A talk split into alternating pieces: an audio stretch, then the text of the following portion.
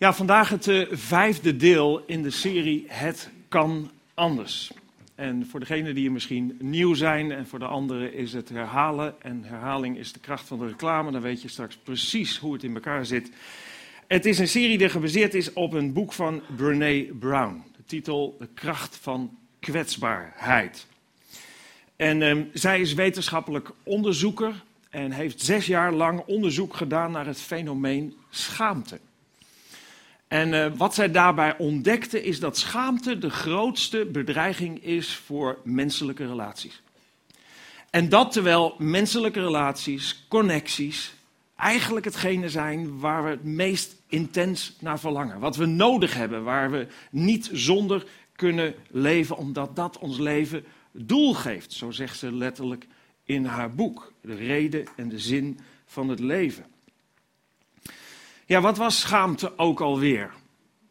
Schaamte is een onaangename emotie. Dat weet iedereen. Iedereen ervaart dat ook zo. Schaamte is een onaangename emotie. Waarvoor de angst om door anderen misprezen of zelfs niet meer door de groep geaccepteerd te worden bepalend is.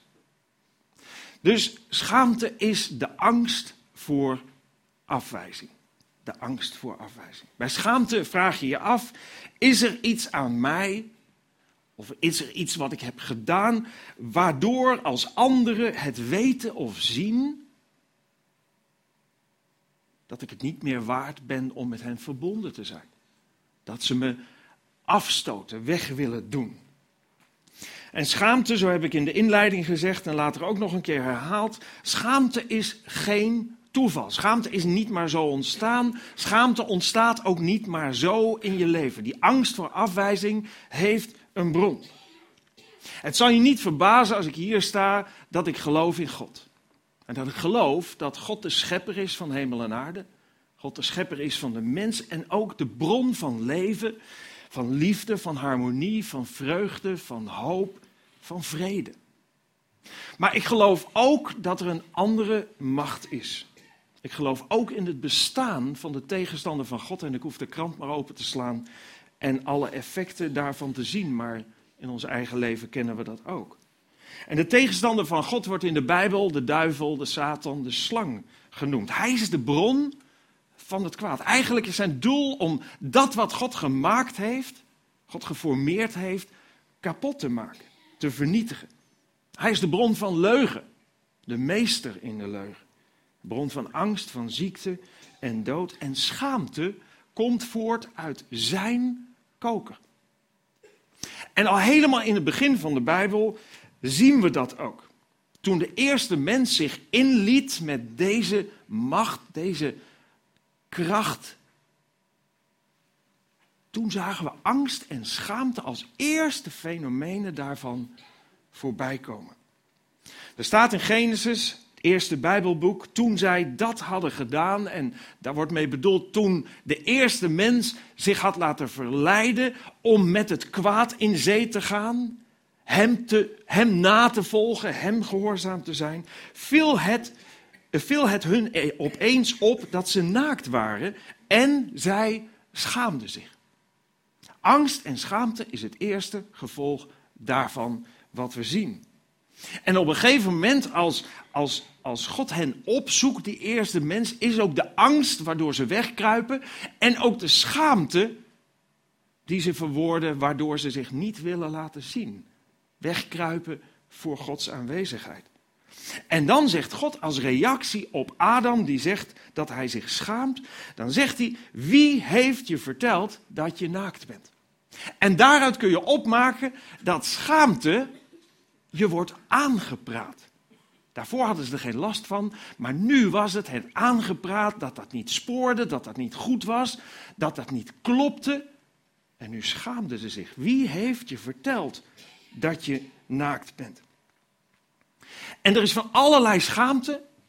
Er zijn van allerlei dingen waarvoor je je kunt schamen en steeds opnieuw wordt je dat aangepraat. Soms denk je een stemmetje van binnen, Soms zijn het mensen om je heen, soms is het radio, televisie, boeken, kranten, tijdschriften, waardoor er signalen binnenkomen, waardoor je denkt, hé, hey, dat, ligt, dat heb ik ook en oh, dat is dus niet goed. oh, dan moet ik, dan moet ik dat anders gaan doen. Signalen dat je misschien te dik bent, maar net zo goed signalen dat je misschien te dun bent. Of je verdient te veel, of je verdient te weinig. Of je kleren zijn uit de mode, of je loopt er weer veel te modern bij. Of je bent dom, of je bent juist een nerd. Of je doet het niet goed genoeg, of je slooft je weer te veel uit. Je bent niet mooi, omdat je niet omdat jouw uiterlijk niet strookt met het, met het onnavolgbare plaatje wat de media laat zien, met al het photoshoppen erbij. Of je bent minder dan de buren. Of je bent te preuts of te wulps. Of je bent te laag geschoold of je hebt een te lage functie. Jij deugt niet. Heb je dat wel eens horen zeggen, misschien toen je klein was? Jij deugt niet. En, en daar wordt natuurlijk zoiets mee bedoeld als je bent stout, stouterd. Jij deugt niet. Maar wat het eigenlijk zegt is, jij deugt niet. Jij deugt niet. Je hebt de reden om je voor dit en dit en dit en dit te schamen. En angstig te zijn om afgewezen te worden. Je zult er dan alles aan doen om dat wat je hebt laten aanpraten eigenlijk uit de weg te gaan. Je zult er alles aan doen om die nare emotie, schaamte te ontvluchten. En daarvoor ontwikkelen we verschillende mechanismen. we hebben er in de afgelopen weken al vier behandeld. Vier verschillende manieren, gedragsmanieren, die wij, die wij aannemen zelf om schaamte te voorkomen. Om te voorkomen dat wij de angst hebben om afgewezen te worden. De eerste was perfectionisme. Dus alles proberen zo perfect mogelijk te doen, dat niemand er wat op aan kan merken, zodat je je nergens voor hoeft te schamen. En als je maar even twijfelt of je het echt maximaal goed kunt, dan doe je het niet. Ondanks het feit dat je het misschien prima zou kunnen. Het is een mechanisme om te vluchten uit angst, maar wat je heel erg beperkt. En wat er uiteindelijk toe leidt dat de relaties helemaal niet verbeteren. De tweede was het groene gras, het vergelijken. Je kijkt om je heen. Um, zit ik nog wel in de groep? Wat voor een auto rijdt de buurman? Wat voor een auto rijdt die buurman? Hoe kort heeft die het gras? Hey, die buurvrouw is blond en die buurvrouw is blond en mijn vrouw is grijs. Ik hou heel erg van grijs. Maar als die anderen niet willen, nou dan toch maar blond. Dus uh, proberen helemaal in de groep te passen. Het groene gras. De andere was tussen droom en daad. Dus het verschil wat er is tussen dat wat je het liefst hoopt dat je directe omgeving, hoe je omgeving is, je kinderen, je vrouw, je man, dat die eigenlijk, dat zij precies passen in het ideaalplaatje wat anderen hebben van ons gezin en van de huwelijk en noem maar op. En als ik me daarvoor dreig te schamen, dan mijn schaamte overdraag op hen. Dus zodat zij de angst van mij voelen om afgewezen te worden. Terwijl in relaties van goede vriendschappen, huwelijk en ouder-kindrelaties deze angst nooit mag zijn. Want daar moet de liefde onvoorwaardelijk zijn. Dus dat is echt een wig wat wordt gedreven in relaties tussen droom en daad. En vorige week heeft Martin gesproken over durf in de spiegel te kijken. Meestal, of in heel veel gevallen, Ieder heeft zijn eigen mechanisme waar hij zich het meeste in thuis voelt. Maar sommigen kijken in de spiegel en die zien alleen maar wat anderen hebben gezegd. Of wat het beeld van anderen is, van schoonheid of wat dan ook. En vinden zichzelf niet mooi, te dik, te dun, noem allemaal maar op. Gewoon omdat je het je hebt laten aanpraten. En durf in de spiegel te kijken is het de stimulans om jezelf te accepteren zoals je bent. En nog mooier, om te leren zien hoe God je ziet. Hoe God naar je kijkt. Dat God zegt, jij bent een parel in mijn hand. Ik vind jou mooi. Je hoeft je nergens voor te schamen. Deze vijfde keer is het thema, dit is mijn grens. Schaamte, de angst om afgewezen te worden, is ook bepalend voor het stellen van grenzen in je leven. Waarom gaat de relatie met je vriend waar je net verkering mee hebt verder dan je eigenlijk wilt? En dan bedoel ik met name op het gebied van seksualiteit. Nou, omdat je bang bent om hem kwijt te raken. Omdat je bang bent dat je je moet schamen voor hoe jij je opstelt in die relatie. Omdat je bang bent hem te verliezen en daarom stel je die grens niet uit angst om afgewezen te worden. Waarom accepteer je dat je baas jouw grenzen stelselmatig overschrijdt? Omdat schaamte op de loer ligt. Omdat je bang bent om buiten de groep te vallen. En misschien wel uiteindelijk buiten het bedrijf wordt gebracht. Angst voor afwijzing. Waarom laat je toe dat zelfs nu je getrouwd bent, je ouders of schoonouders nog steeds zo'n grote invloed hebben in jullie leven of gezin? Omdat je bang bent om afgewezen te worden. Daarom zijn er al die knellende familiebanden. Iedereen herkent het wel, iets of een beetje of een stukje ervan. En toch modderen we een beetje door en laten het in stand. Angst, schaamte, angst om afgewezen te worden. Waarom laat een vrouw zich bij herhaling slaan door haar man? Uit schaamte. Angst om afgewezen te worden. Waarom doe je mee in het stoere gedrag van je vrienden en ben je zelfs bereid om de wet te overtreden? Schaamte. Angst om afgewezen te worden. De angst om buiten de groep te komen. Dat je matties je niet meer aanvaarden zoals je bent, omdat je niet meedoet. En daarom zeggen: joh, we hoeven jou niet. Je hoeft jou niet. Jij hebt geen lef, jij durft niet. En daarom doen we mee. Er wordt heel veel gezegd en geschreven over grenzen. Blijkbaar vinden we het allemaal moeilijk om grenzen te stellen. En vandaar ook dat er die heel veel assertiviteitstrainingen zijn of weerbaarheidstrainingen. Assertief zijn is een, is een term die komt uit de sociale psychologie. Sociaal betekent de interactie of de contacten tussen mensen. Dus wat vindt daar plaats? En het betekent zonder agressie opkomen voor je eigen mening, rechten en standpunten.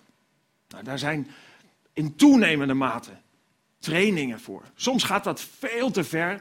Soms gaan die trainingen er naartoe dat je eh, wordt gemaakt van een, een, een, een vriendelijk persoon naar een, naar een naar persoon. Die altijd overal wat op te zeggen heeft. Die het alleen maar heeft over haar of zijn rechten. Die het alleen maar heeft over eigenlijk egoïstische motieven. Maar dat is natuurlijk niet het doel van assertiviteit. Het doel is grenzen stellen waar grenzen redelijk gesteld moeten worden. Assertief gedrag zit eigenlijk tussen twee gedragsvormen in. Eigenlijk aan de, aan de ene kant subassertiviteit, zoals ze dat noemen. Oftewel, daar waar je helemaal geen grenzen stelt. Daar waar je gewoon over je heen laat lopen. Je laat misbruiken. Je laat leven door anderen en noem allemaal maar op. En aan de andere kant agressief gedrag. Dus waar je je grenzen stelt zonder enig respect voor de ander, zonder enig respect voor de waarde die een ander heeft. En waarom is het zo moeilijk om grenzen te stellen? Ik zei het net al. Schaamte. Daarom vinden we het zo lastig om grenzen te stellen. Met als gevolg dat uiteindelijk, als je die grenzen niet stelt, niemand die relatie volhoudt of de relatie altijd oppervlakkig en misschien onplezierig blijft. En dat is met al die mechanismen. Het zijn allemaal mechanismen die we ontwikkelen om schaamte tegen te gaan. En schaamte is die angst voor afwijzing. Maar het mechanisme wat je aanmeet, leidt juist tot het kapotgaan van de relaties. Dat is zo'n gemene verleiding van het kwaad die je eerst de schaamte aanpraat en je daarna zo graag wil helpen met de oplossing.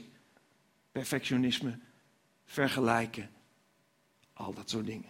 En ook met grenzen. Veelal wordt het volgende gezegd en geschreven.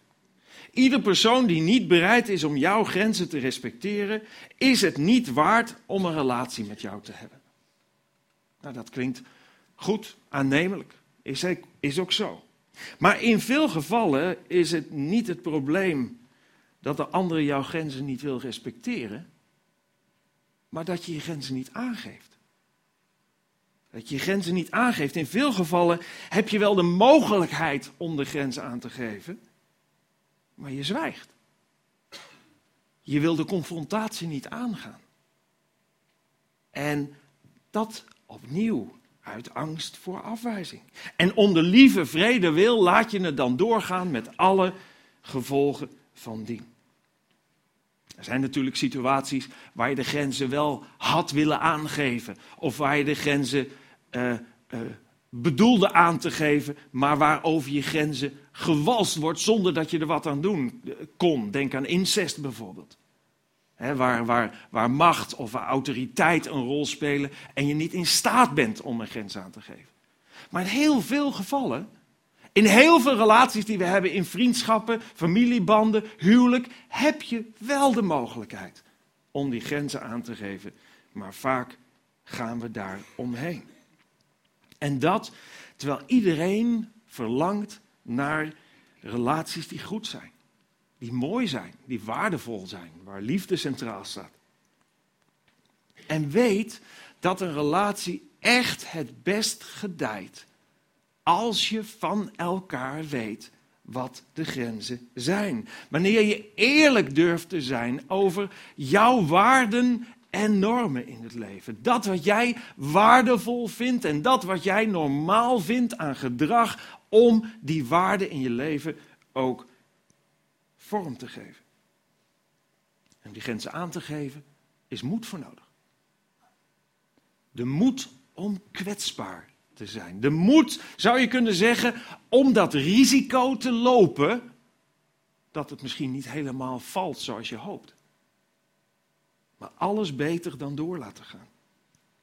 Je wilt toch niet altijd zaggerijnig bij je ouders of schoonouders vandaan komen, omdat zij je grenzen stelselmatig overschrijden. Alleen als jij kwetsbaar durft te zijn en aangeeft waar jij vindt dat ze jouw grenzen overschrijden, heeft een relatie de kans om zich te verdiepen. En anders blijft het wat het is. Want laat je je leiden door schaamte, dan blijven het onbevredigende relaties. En laat je wel weten wat je grenzen zijn. Heb je de moed om grenzen te stellen, ja, dan kan het twee kanten op. In de meeste gevallen zal een relatie verbeteren. In sommige gevallen heeft een relatie daardoor een time-out nodig. Maar in alle gevallen ben je beter af. In alle gevallen ben je beter af. Alles beter dan geen grenzen aangeven. In de verhalen over het leven van Jezus staan verschillende voorbeelden van momenten dat Jezus duidelijk zijn grens aangaf. Matthäus schrijft er onder andere over. Matthäus, volgeling van Jezus, werd later een discipel, een vertegenwoordiger van hem zou je kunnen zeggen. Hij wandelde met Jezus tijdens zijn leven op aarde en maakte alles met hem mee en schreef daar een verslag van. En daar staat het volgende in. Jezus was nog met de mensen in gesprek toen zijn moeder en zijn broers hem wilden spreken. Ze stonden buiten vanwege de drukte. Uw moeder en uw broer staan buiten, zei iemand tegen hem. Ze willen u spreken. Wie is mijn moeder? Wie zijn mijn broers? antwoordde Jezus hem. Toen wees hij naar zijn leerlingen. Daar zijn mijn moeder en mijn broers. Want ieder die doet wat mijn vader in de hemel wil, die is mijn broer, mijn zuster, mijn moeder. Dat zijn best pittige woorden. Dat is best een, een pittige uitspraak die Jezus doet. Maar het is wel hetgeen wat duidelijkheid geeft. Hij trekt wel een grens wanneer anderen vanuit een positie die ze hebben of vanuit een band die er is, een claim op hem leggen waar hij die claim niet wil. Waar hij die claim niet terecht vindt. En dan zegt hij duidelijk: dit is mijn grens. Laat me niet op die manier claimen. Grenzen zijn nodig om een relatie te laten gedijen. En omdat het grens stellen van grenzen zo moeilijk is, kun je elkaar natuurlijk in relaties een stukje tegemoet komen. Je zou elkaar actief een stukje kunnen helpen om die grenzen makkelijker, laagdrempeliger te kunnen aangeven. Namelijk door aan degene waar je relatie mee hebt, een vriendschap, familieband, huwelijksband, ouders, kinderen, om het gewoon te vragen. Waar ga ik bij jou een grens over? Wat ervaar jij als vervelend? Wat ik doe, wat ik zeg, hoe ik het zeg. Want heel vaak weet je helemaal niet bewust, maar wordt een relatie er wel vervelend door. En in iedere relatie kun je dat doen. In de huwelijksvoorbereiding is het een vast onderdeel van wat we benoemen. Ik heb het hier in themaseries over het huwelijk ook wel eens gezegd. Ga iedere week per definitie een avond bij elkaar zitten als je getrouwd bent om met elkaar te praten. En over wezenlijke, diepere dingen dan alleen maar de algemene dagelijkse dingen. Ga daarop in met elkaar, spreek daarover. En stel elkaar iedere week deze vraag. Wat heb ik de afgelopen week gedaan wat je als plezierig hebt ervaren? Dat mag een hele lijst zijn. Wat heb ik de afgelopen week gedaan wat je als onplezierig hebt ervaren? Waar ben ik bij jouw grenzen overgegaan? Wat schadelijk is voor onze relatie. En dat kun je toepassen in iedere relatie en eigenlijk elkaar helpen omdat de drempel om grenzen te stellen zo hoog is. Er was ook een moment dat Jezus grenzen aangaf en dat niet alleen met woorden deed. We lezen dat in het verslag van Johannes. Daar staat: Weldra zou het Joodse paasfeest beginnen. Daarom vertrok Jezus naar Jeruzalem. Op het tempelplein zag hij handelaars die runderen, schapen en duiven verkochten en geldwisselaars die achter hun tafeltjes zaten. Hij knoopte een paar stukken touw aan elkaar, deze vriendelijke Jezus, en joeg hen daarmee met hun dieren de tempel uit. Het geld van de wisselaars gooide hij op de grond en hun tafeltjes gooide hij omver. Tegen de duivenverkopers zei hij: Eruit! Het huis van mijn vader is geen markt. Andere vertaling staat: is geen rovershol. Duidelijke taal. Vanuit de autoriteit die hij had, sloeg hij met zijn vuist op tafel. Soms is het nodig om met je vuist op tafel te slaan, om duidelijk te maken waar je grenzen liggen. Boosheid is geen verkeerde emotie binnen redelijke grens. Boosheid is juist het aangeven van het feit dat iemand een bepaalde grens overgaat. Een beroemde uitspraak van een stripfiguur is de volgende: That's all I can stand and I can stand no more. Wie heeft dat gezegd? Wie zei dat? De eerste dienst was er één die het wist. Welk stripfiguur? Dit is alles wat ik kan hebben, meer kan ik niet hebben. Nu? Nee, ik hoorde ergens, hoorde ik het fluisteren volgens mij. Popeye, heel goed. Dat was hem. Popeye. Dit, that's all I can stand. I can stand no more. Dit is alles wat ik kan verdragen. Nu verdraag ik het niet meer. En dan kwam dat blik spinazie. En die spierballen zo groot. En waarom deed hij dat? Om zijn liefje te verdedigen. Hoe heette zij ook alweer? Olijf, ja. Ik denk als olijfolie. Ja, ja, wie doet je kind dat aan? En dan ging hij er tegenaan, hè, tegen Brutus. En als ik bedoel, hè, het is goed om op zijn tijd met je vuist op tafel te slaan, dan bedoel ik dus niet dit, hè.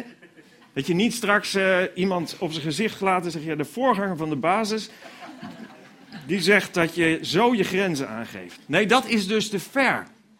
En dat zegt de Bijbel eigenlijk ook. Want er staat in de Bijbel, word boos, maar zondig niet. Oftewel, boos zijn is geen verkeerde emotie. Maar in je boosheid, in het stellen van je grenzen, zondig niet. Laat de zon niet ondergaan over uw boosheid. En geef de duivel geen plaats. Of laat eigenlijk vanwege het feit dat je, dat je de inspanning van het kwaad wil wegdoen, ja, gebruik niet een middel die eigenlijk weer uit zijn koker komt. Maar boos zijn, duidelijk zijn, dat is prima. En dat lucht soms in een relatie enorm op. Het laatste stukje van deze tekst is heel belangrijk. Geef de duivel geen plaats of geef de duivel geen ruimte om over je te heersen. Want dat is wat hij wil. Schaamte, zeiden we al, wordt je aangepraat. De angst voor afwijzing wordt je aangepraat. De angst om grenzen te stellen wordt je aangepraat. Voor ons idee door mensen. Voor ons idee komt het allemaal uit de koker van mensen, van andere mensen en van, van bladen en noem allemaal maar op. Maar de Bijbel gaat er eigenlijk nog een stapje in verder. Die zegt, nou, je denkt wel dat het van mensen vandaan komt, maar het gaat nog een stukje verder. En in de Bijbel staat er het volgende over. Onze strijd, en dit is ook onderdeel van wat je kunt ervaren als strijd in je leven, gaat niet tegen mensen van vlees en bloed, maar tegen de overheden, de machten en de heersers van deze duistere wereld. Tegen de geestelijke en bovenaardse machten van het kwaad. Dat klinkt een beetje spooky en zweverig misschien, maar wat de Bijbel probeert te zeggen is, Tuurlijk kijken wij in het horizontale vlak en zien we wat mensen doen en hoe ze reageren en wat ze ons aandoen en dat ze onze grenzen overschrijden en noem allemaal maar op. Maar ten diepste is je strijd niet tegen die persoon. Ten diepste is het tegen de invloed die het kwaad in die persoon tegen je wil uitvoeren. De invloed die het heeft en het effect wat het op jou kan hebben. En dan gaat de tekst verder. Grijp daarom naar de wapenrusting die God u geeft. Om weerstand te kunnen bieden op de dag waarop het kwaad aanvalt. Dus dan niet de verkeerde beslissingen te nemen, die juist de relatie verslechteren, maar de goede. Dan kunt u staande blijven, omdat u op die manier goed toegerust bent. Wat is dan die, die wapenrusting van God? Hoe kom ik daar dan aan? Hoe kan ik dan de schaamte uit mijn leven bannen? Hoe ben ik dan in staat om die relaties te verbeteren? Hoe voorkom ik dat ik geleefd word door schaamte, door de angst om afgewezen te worden? Daar ga ik de volgende week, als we de serie afronden, een heleboel meer over vertellen. Dat is een mooie cliffhanger. Jullie komen allemaal terug dus volgende week en nemen nog een heleboel mensen mee. Want dan gaan we als afsluiting van deze serie, het kan anders, gaan we nog een stukje dieper in op wat wil God je aanreiken? Misschien ken je het helemaal niet, misschien heb je geen relatie met God, ken je de Bijbel niet. En toch zullen we volgende week als je bereid bent om je daarvoor open te stellen, om mee te luisteren, een stukje verder kunnen gaan en de handreikingen kunnen geven die je nodig hebt om niet over je te laten heersen, om je grenzen niet stelselmatig te overschrijden en ook om de moed te hebben om kwetsbaar te zijn en je grenzen te stellen.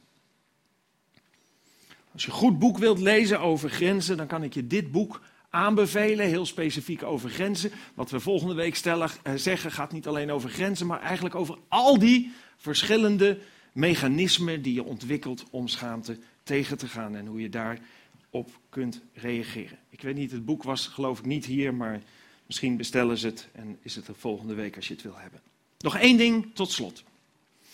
Misschien denk je bij jezelf, staat de Bijbelse opdracht om de andere wang toe te keren niet haaks op het stellen van grenzen. Misschien was je nog niet te binnen geschoten. Dan heb je nu iets om over na te denken. Want ja, dat staat ook in de Bijbel. Als iemand je op de linkerwang slaat, keer hem ook de rechter toe. Nou, dat klinkt niet echt als grenzen stellen. Staat dat niet haaks op elkaar? Het antwoord is nee. Het stellen van grenzen en het toekeren van de andere wang staan niet met elkaar op gespannen voet, maar dienen beide hetzelfde doel. Maar hoe dat precies zit, hoor je ook volgende week. We gaan bidden. Heer, dat is verlangen wat we allemaal hebben. Om te leven, om gelukkig te zijn.